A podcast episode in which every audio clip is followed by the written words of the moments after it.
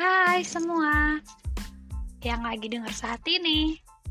Aku baru aja mulai loh, jadi tolong maklum ya kalau ada yang kurang dari pembawaanku. Di sini aku mau berbagi cerita di Wattpad, yaitu aplikasi novel yang bagus-bagus banget ceritanya. Dari cerita romansa anak muda, cerita perselingkuhan, cerita yang lagi sayang-sayang yang malah ditinggal, dan tentang pernikahan tentunya ada dong. Jadi semoga kalian suka ya mendengarkannya.